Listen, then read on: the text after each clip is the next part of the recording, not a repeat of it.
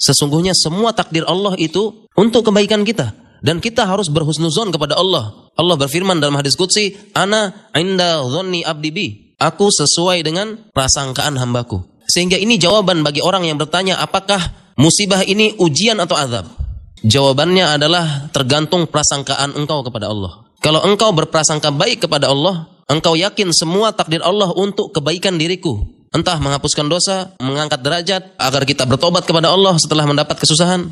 Ketika kita husnuzon, iya, ini adalah tanda kasih sayang Allah kepadaku. Seperti sang ibu yang mencubit anaknya karena susah diatur. Dan tidak mungkin sang ibu tersebut mencubit untuk menyiksa anaknya. Tergantung prasangka. Tetapi kalau kita bersuuzon kepada Allah, maka itu adalah azab bagi kita. Kalau ada orang dia berhusnuzon dengan dokter, apa yang dilakukan? Dia robek perutnya. Di dalam dia gunting-gunting.